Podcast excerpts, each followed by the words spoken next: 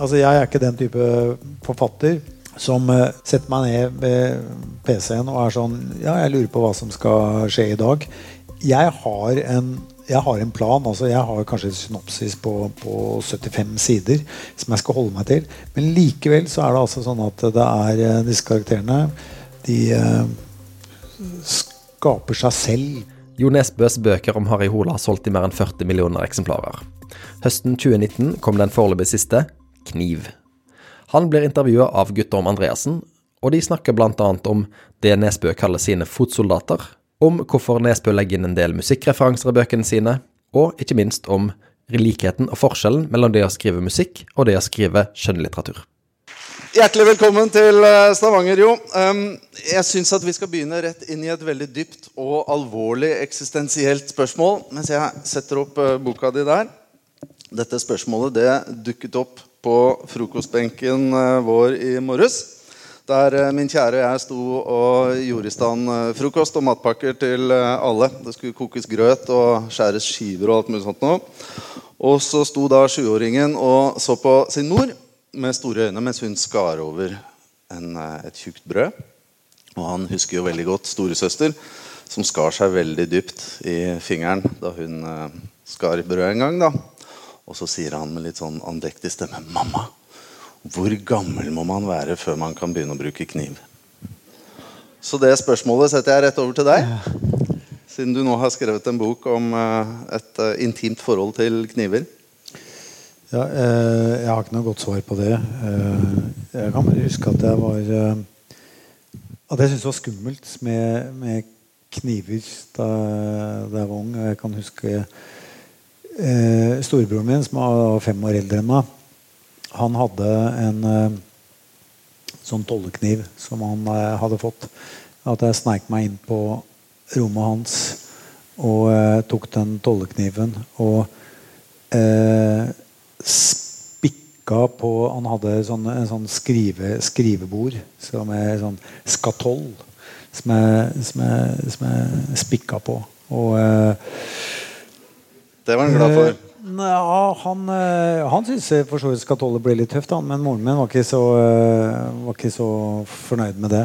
Eh, så jeg kan huske jeg, jeg, fikk vel Jeg vet ikke om det går noe tråd fra det og frem til tittelen på den boka. her sånn Men jeg kan i hvert fall huske den der, liksom, den der forbudte følelsen da, ved å holde noe som er veldig skarpt, og som, og som kan eh, forårsake skade.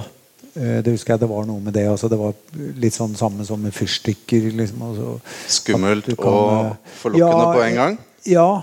Egentlig det er at du er det er noe med det med, med, med våpen, skytevåpen, også, eh, også det samme. Eh, nå er det linken sin altså, eh, Vi kan ta og snakke litt om tittelen med, med, en gang. Da, det, fordi dette er en bok som egentlig starta med, med tittelen eh, 'Kniv' var arbeidstittelen på, på, prosjektet. Jeg trodde ikke det skulle bli tittelen på, på, boka, men det var for å minne meg litt på tematikken i, i boka mens jeg, mens jeg, skrev synopsis, og, og etter hvert begynte å skrive selve boka. Fordi det starta med at jeg gjorde research på, på de psykologiske barrierene eh, vi har mot å drepe. Altså ikke hva som forestår å drepe, men hva som hindrer de fleste av oss i å drepe. Uh, og det var en uh, det var to bøker, spesielt én skrevet av en amerikansk militærpsykolog, som er en bok som heter 'On Killing', som handler historisk sett om hvordan man brukte treningsmetoder til å få amerikanske soldater til faktisk å skyte på fienden. For det viste seg når de gjorde intervjuer etter annen verdenskrig, så var det bare mellom 15 og 20% av soldatene som faktisk retta våpnene mot fienden og prøvde å, å skyte et annet menneske. Så uh, da man skjønte det, så iverksatte man uh, visse tiltak, eh, treningsmetoder for å eh, manipulere oss til å, til å, faktisk prøve å drepe andre. Så Under Koreakrigen så var man oppe i 50% som skjøt på fienden. Og i Vietnamkrigen 90% Så det var jo altså, viste seg at det var, det var nokså enkelt, bare man visste hvordan man skulle trene og manipulere soldatene. Det, det som man hadde problemer med, det var å få dem til å drepe med kniv det viste seg at det er mye vanskeligere. Eh, og det har du, fordi du må nærme for å drepe med kniv, altså i, i nærkamp. Og da er, det, da er de psykologiske barrierene nesten uoverstigelige. Når du liksom kan lukte og se og høre fienden, og du skjønner at du står overfor et vesen som er temmelig likt deg sjøl. Og det ble tematikken også. Det visste jeg skulle være tematikken i den boka. her sånn. Det handler om uh, Harry Holøs indre krets. Det handler om uh, intimitet. Uh, og det handler om ikke et hva skal vi si, symbolsk seriedrap, som har vært tematikken i noen av de andre bøkene. Men her handler det om at det er personlig på en helt annen måte. Mm. Ja, for, for, denne gangen så utsetter du jo Harry for, for, ting som er Du er forferdelig slem med ham, da! Altså, du, det, du, holder ikke igjen noe. Du drar ham så langt ned som, som kanskje det går an å gjøre. Eh, det går sikkert an å dra, Enda lenger. dra en person lenger ned. Men uh, Harry er i denne boka tilbake der han starta, uh, egentlig, i, i, begynnelsen av serien. Uh, altså I forrige boka, 'Tørst', så, så, er Harry egentlig så har Harry det ganske ålreit. Han er han er gift. Han bor sammen med sin livs kjærlighet Rakel i Holmenkollåsen. Han har slutta i politiet. Eh, han er ikke lenger drapsetterforsker. En jobb som han i bunn og grunn alltid har hata. Som har vært helt nødvendig for han å gjøre. Men han har aldri vært glad i jobben som eh, drapsetterforsker. Eh, han jobber nå som foreleser, eller jobba i slutten av tørs som foreleser på Politihøgskolen. Ting var på stell.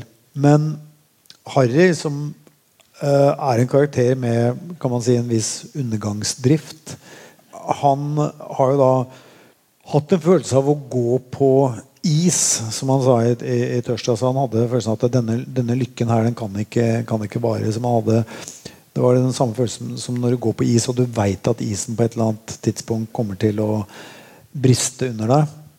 Og du egentlig bare ønsker at det skal skje med en gang, så du, så du får det overstått. Det er det som skjer i det har skjedd, i det kniv åpner. Det er at den isen har bristet. Harry eh, er altså Det er kanskje symbolsk. Harry er kasta ut av Rakel hjemmefra. Eh, vi får ikke vite i begynnelsen av historien hvorfor. Han er på fylla igjen. Eh, han har mista jobben som foreleser og har på nåde fått jobb på politihuset, på et bortgjemt kontor. Han har fått jobben av sin tidligere kollega, nå overordnede, eh, Katrine Bratt.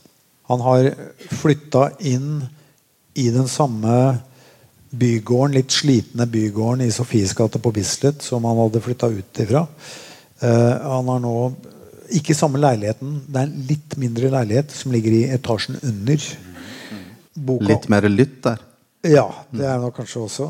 I hvert fall så våkner han en, eh, en morgen i begynnelsen av uh, boka at det ringer på døra. Og han håper da at det er Rakel som Eller han innbiller seg at det er, nå er det Rakel som står utenfor den glassdøra mi og vil ha meg tilbake. Så han går ut og åpner, men det er da Røde Kors og innsamlingsaksjon. Og de står der da med, med bøssa, og han har bare fått dratt på seg en bukse og er ordentlig bakfull. Og han tar ned buksa og stapper da en seddel ned i, i, den bøssa for syns skyld. Akkurat idet seddelen forsvinner, så oppdager han at det, det er ikke den 200-lappen han trodde det var, men det er den, det er den tusenlappen som han skulle kjøpe sprit for. Eh, så han ser idet den detter ned, så han spør om det er mulig å få tilbake pengene. og får beskjed om at det, det, er ikke det. Han spør om det er i hvert fall mulig å få litt vekslepenger. Eh, men eh, det er ikke det heller. Så det er liksom der boka starter. Det er eh, Harry er eh, om han ikke er liggende, så er han i hvert fall i knestående. Et uh, svart kaos ganske nært og forestående. For snart altså, vi, vi, kan ikke gå inn i alle detaljene i boka, selvfølgelig. Det er mye som skjer altså, underveis, men Det vi kan si, det er at det, dette starter nokså trist. Så blir det enda litt verre, men så går det til helvete. Ja.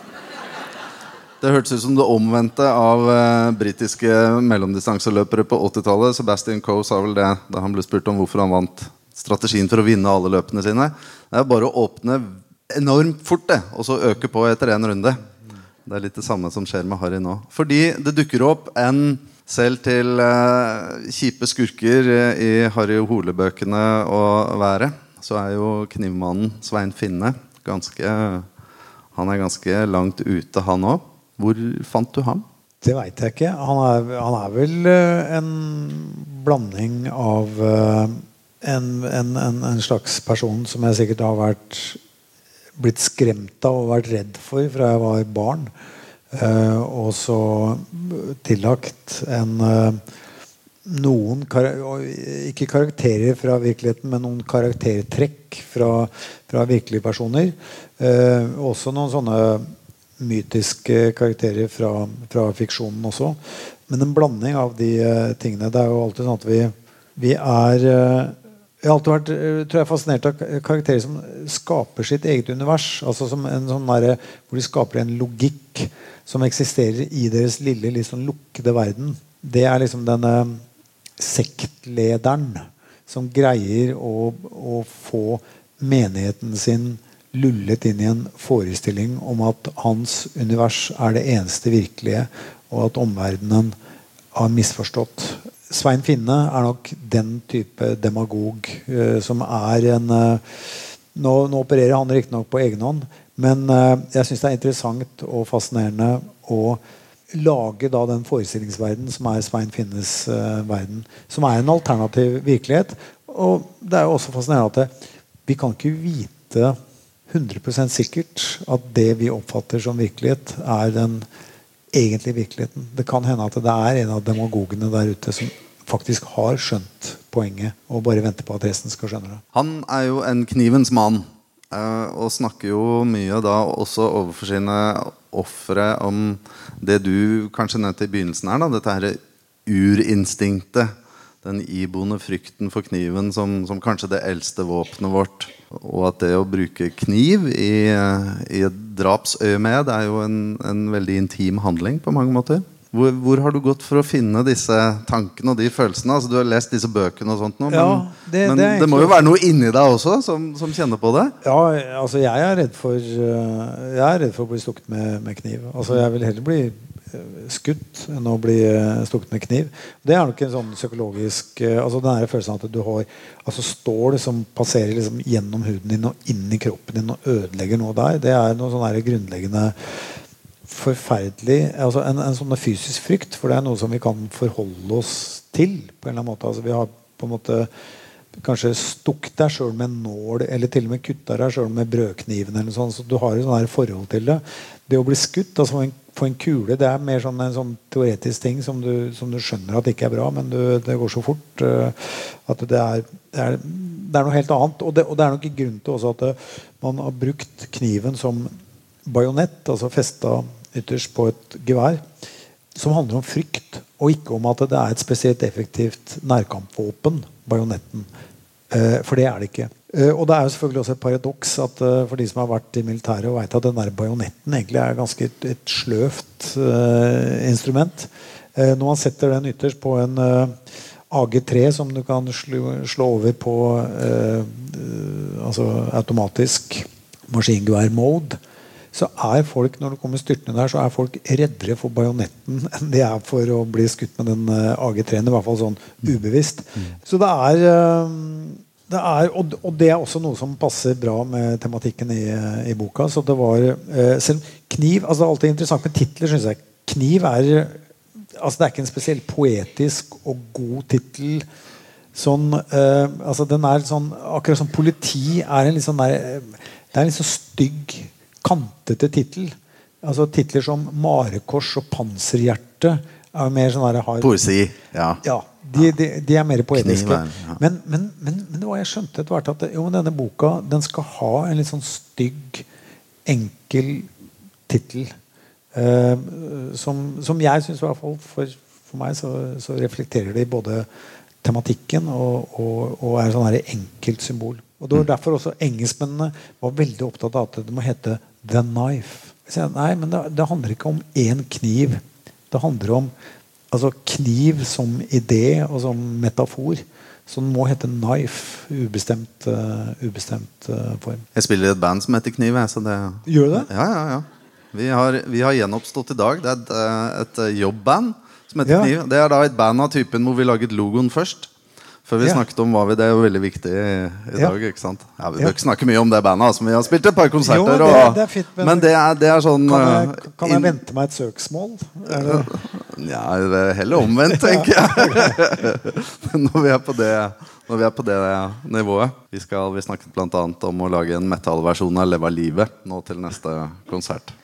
Kan du fortelle litt mer om karakterbygging? For det synes jeg er veldig spennende når du snakker om Hans Svein Finne, da, hvor du lager et eget univers hvor han fungerer. og og enten det gjelder da krigstraumatiserte spesialsoldater eller sleske advokater eller hva det måtte være, alle disse karakterene og figurene du har med, så på meg i hvert fall så klarer du å finne en sånn flott balanse med å lage bakgrunn akkurat så mye som de trenger for å motivere det, det de gjør, og den rollen de får liksom i, i plottet. Da. Hvordan, hvordan jobber du rundt karakterene?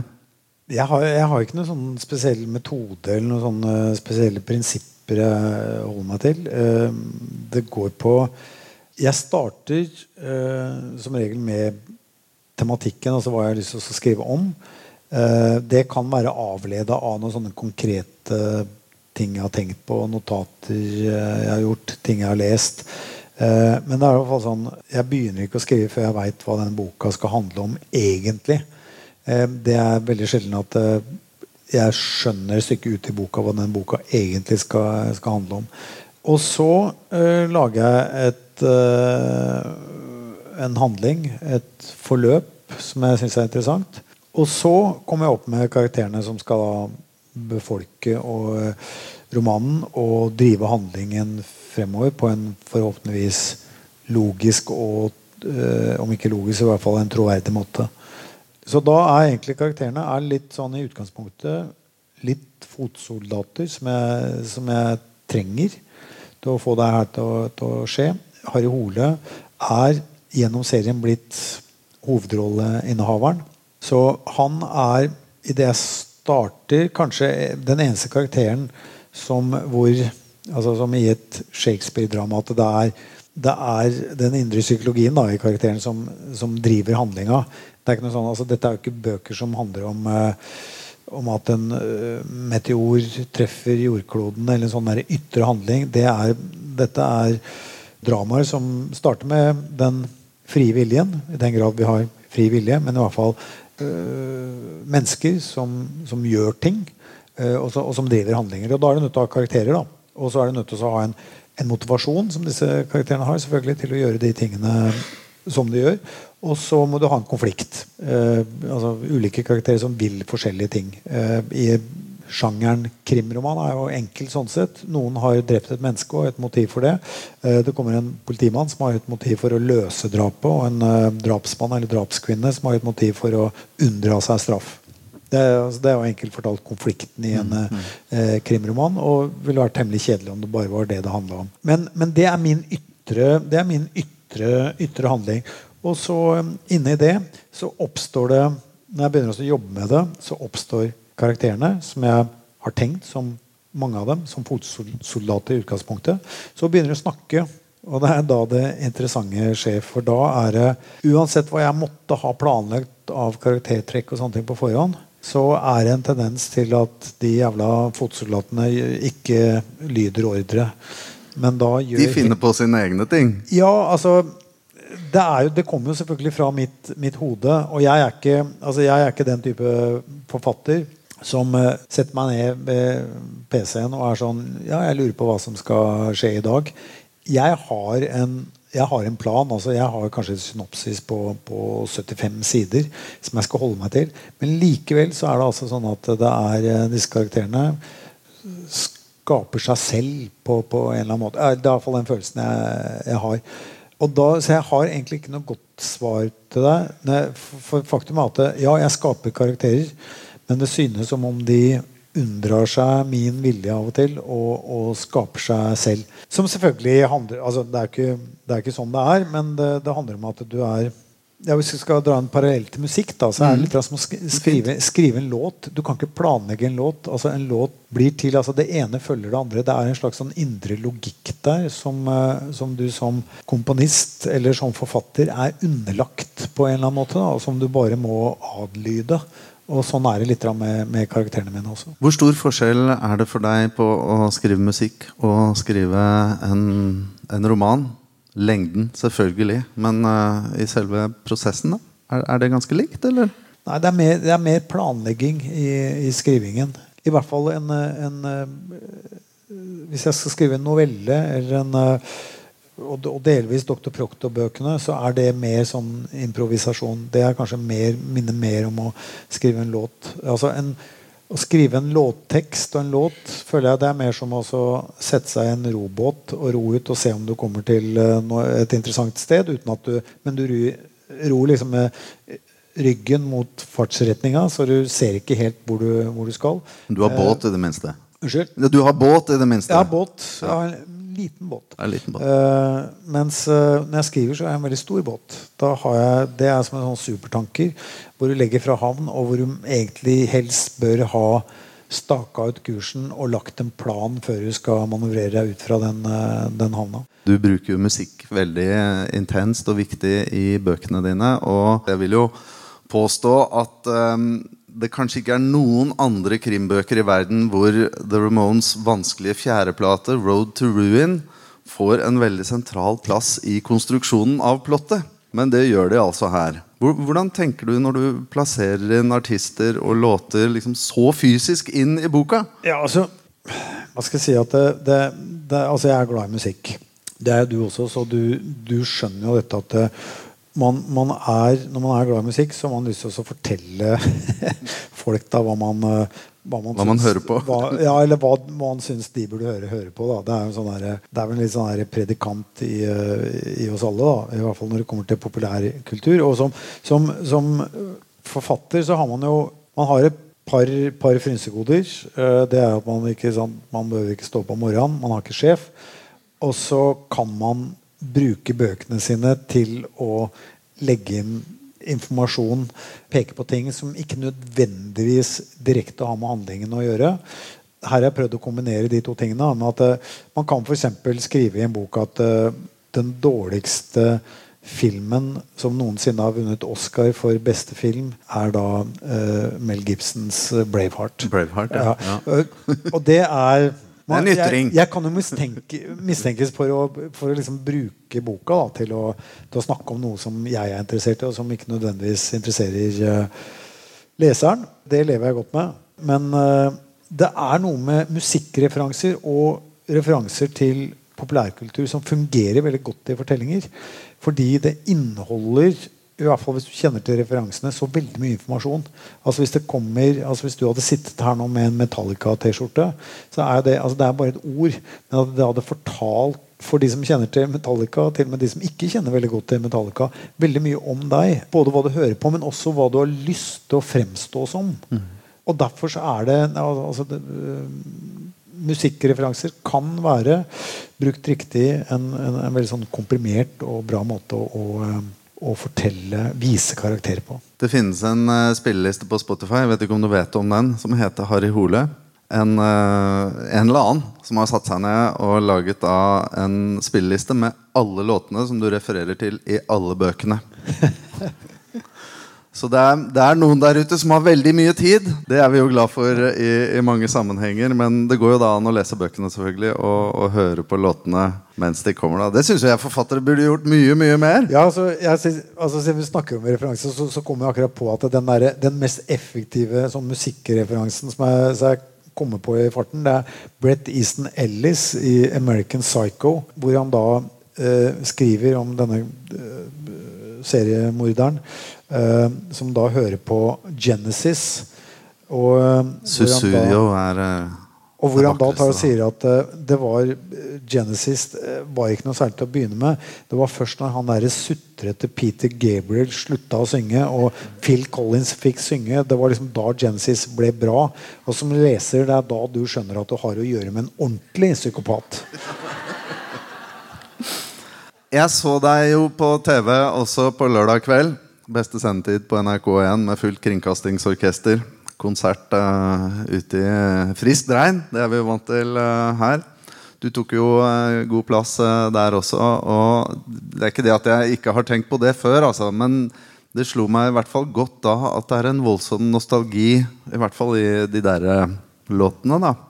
Og så har jeg prøvd da å lese Kniv også, med litt sånn jakt på, på nostalgi i, i, bøkene. Og jeg er litt usikker på om jeg finner det eller ei. Hva, hva, tenker du om det? Nei, jeg, jeg tror, altså Det kan godt hende at det er der, det er, men det er ikke noe uh, Det er en viss liten sånn Oslo-nostalgi.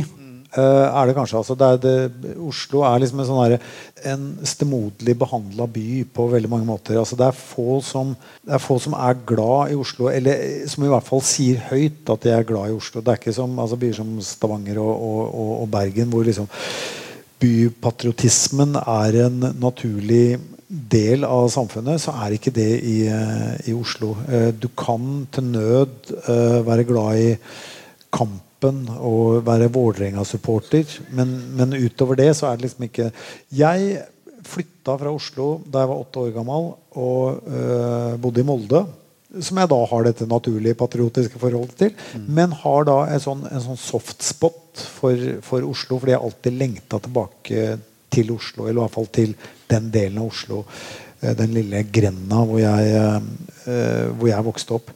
Så jeg har så det er nok en sånn nostalgi litt der som handler om Oslo på 60-tallet, egentlig. Altså. Oslo 69? Noe, sånn, eh, noe, noe sånt. Men ikke, men ikke, som i de der eh, låtene. Som er Nei, jeg, oppvekst, opp, oppvekstlåter.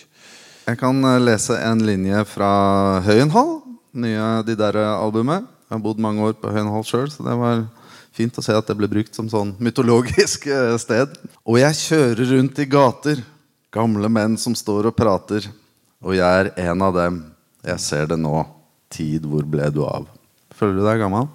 Ja, altså I hvert fall karakteren i den, uh, i den uh, sangen der føler seg definitivt uh, Eller oppdager at han er blitt gammel. Altså det, det, der er jo siste verset Første verset er at han observerer at det er gamle menn som står og prater på, mm. på hjørnet mm. om, om, en tid det ikke var som nå. og så kjører han da gjennom den byen sin og ser da at fotballmålet på Løkka har ramla ned. og at Eh, altså litt sånn Hvor ble det av alle gutta? Uh, og eh, ja, som man sier at broen, er, broen, er, borte og, og, og, brent, slik alle broer gjør. Og det gjør det jo. Så jeg, jeg tror at det, gjennomgående i de der tekstene så er det nok den derre Du kan ikke gå tilbake.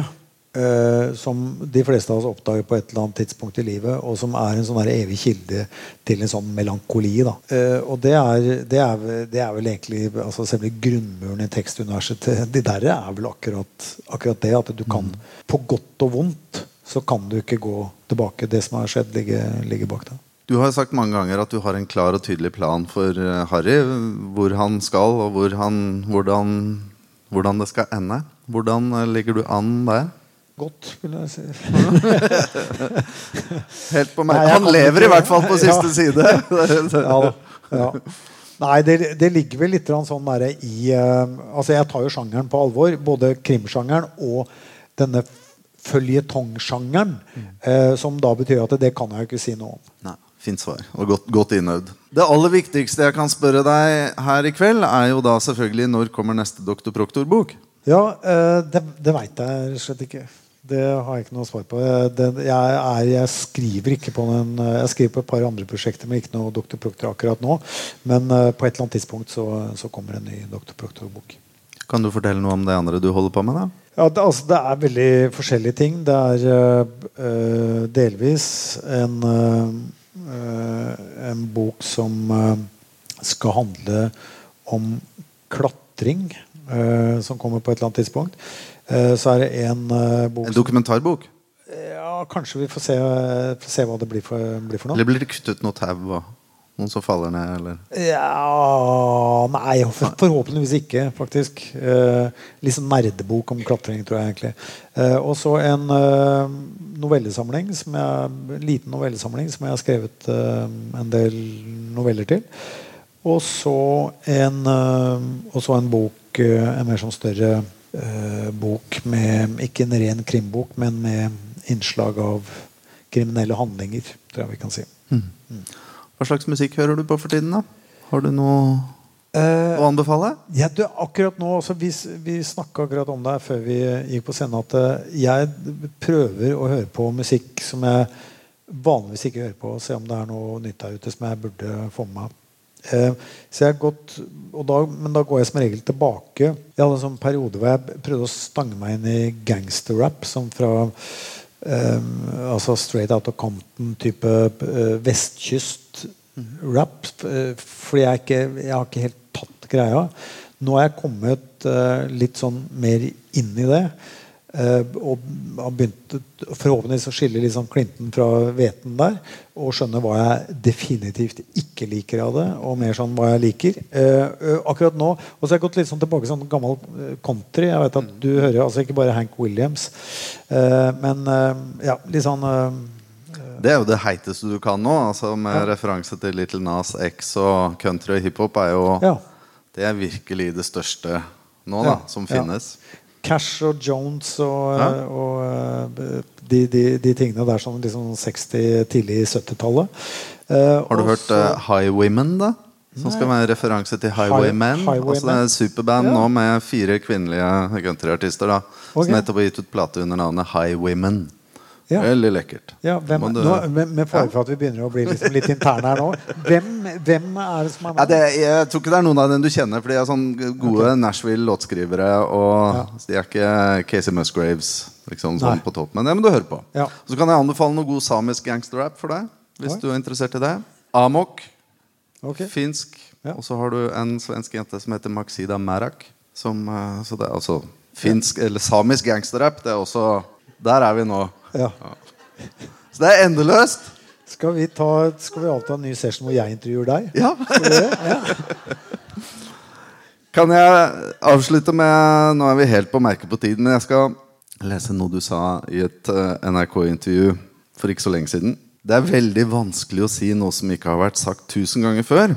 Kanskje det er en håpløs ambisjon at jeg en dag skal greie å skrive noe som er originalt. Noe som er sant, på en eller annen måte. Det er derfor jeg står opp om morgenen og skriver. For kanskje å greie det en gang. Føler du at du er nærmere det, eller har du, har du klart det? Har du Eh, jeg, er ikke, jeg er ikke i mål, men eh, jeg innbiller meg at jeg, jeg begynner å nærme meg. Men, eh, altså, men det gjør vi jo alle. Det er jo derfor vi står opp om morgenen. For at vi tror at uh, i dag I dag Det var en veldig fin slutt, var det ikke det? Jeg tror det. Jo Nesbø, tusen takk skal du ha.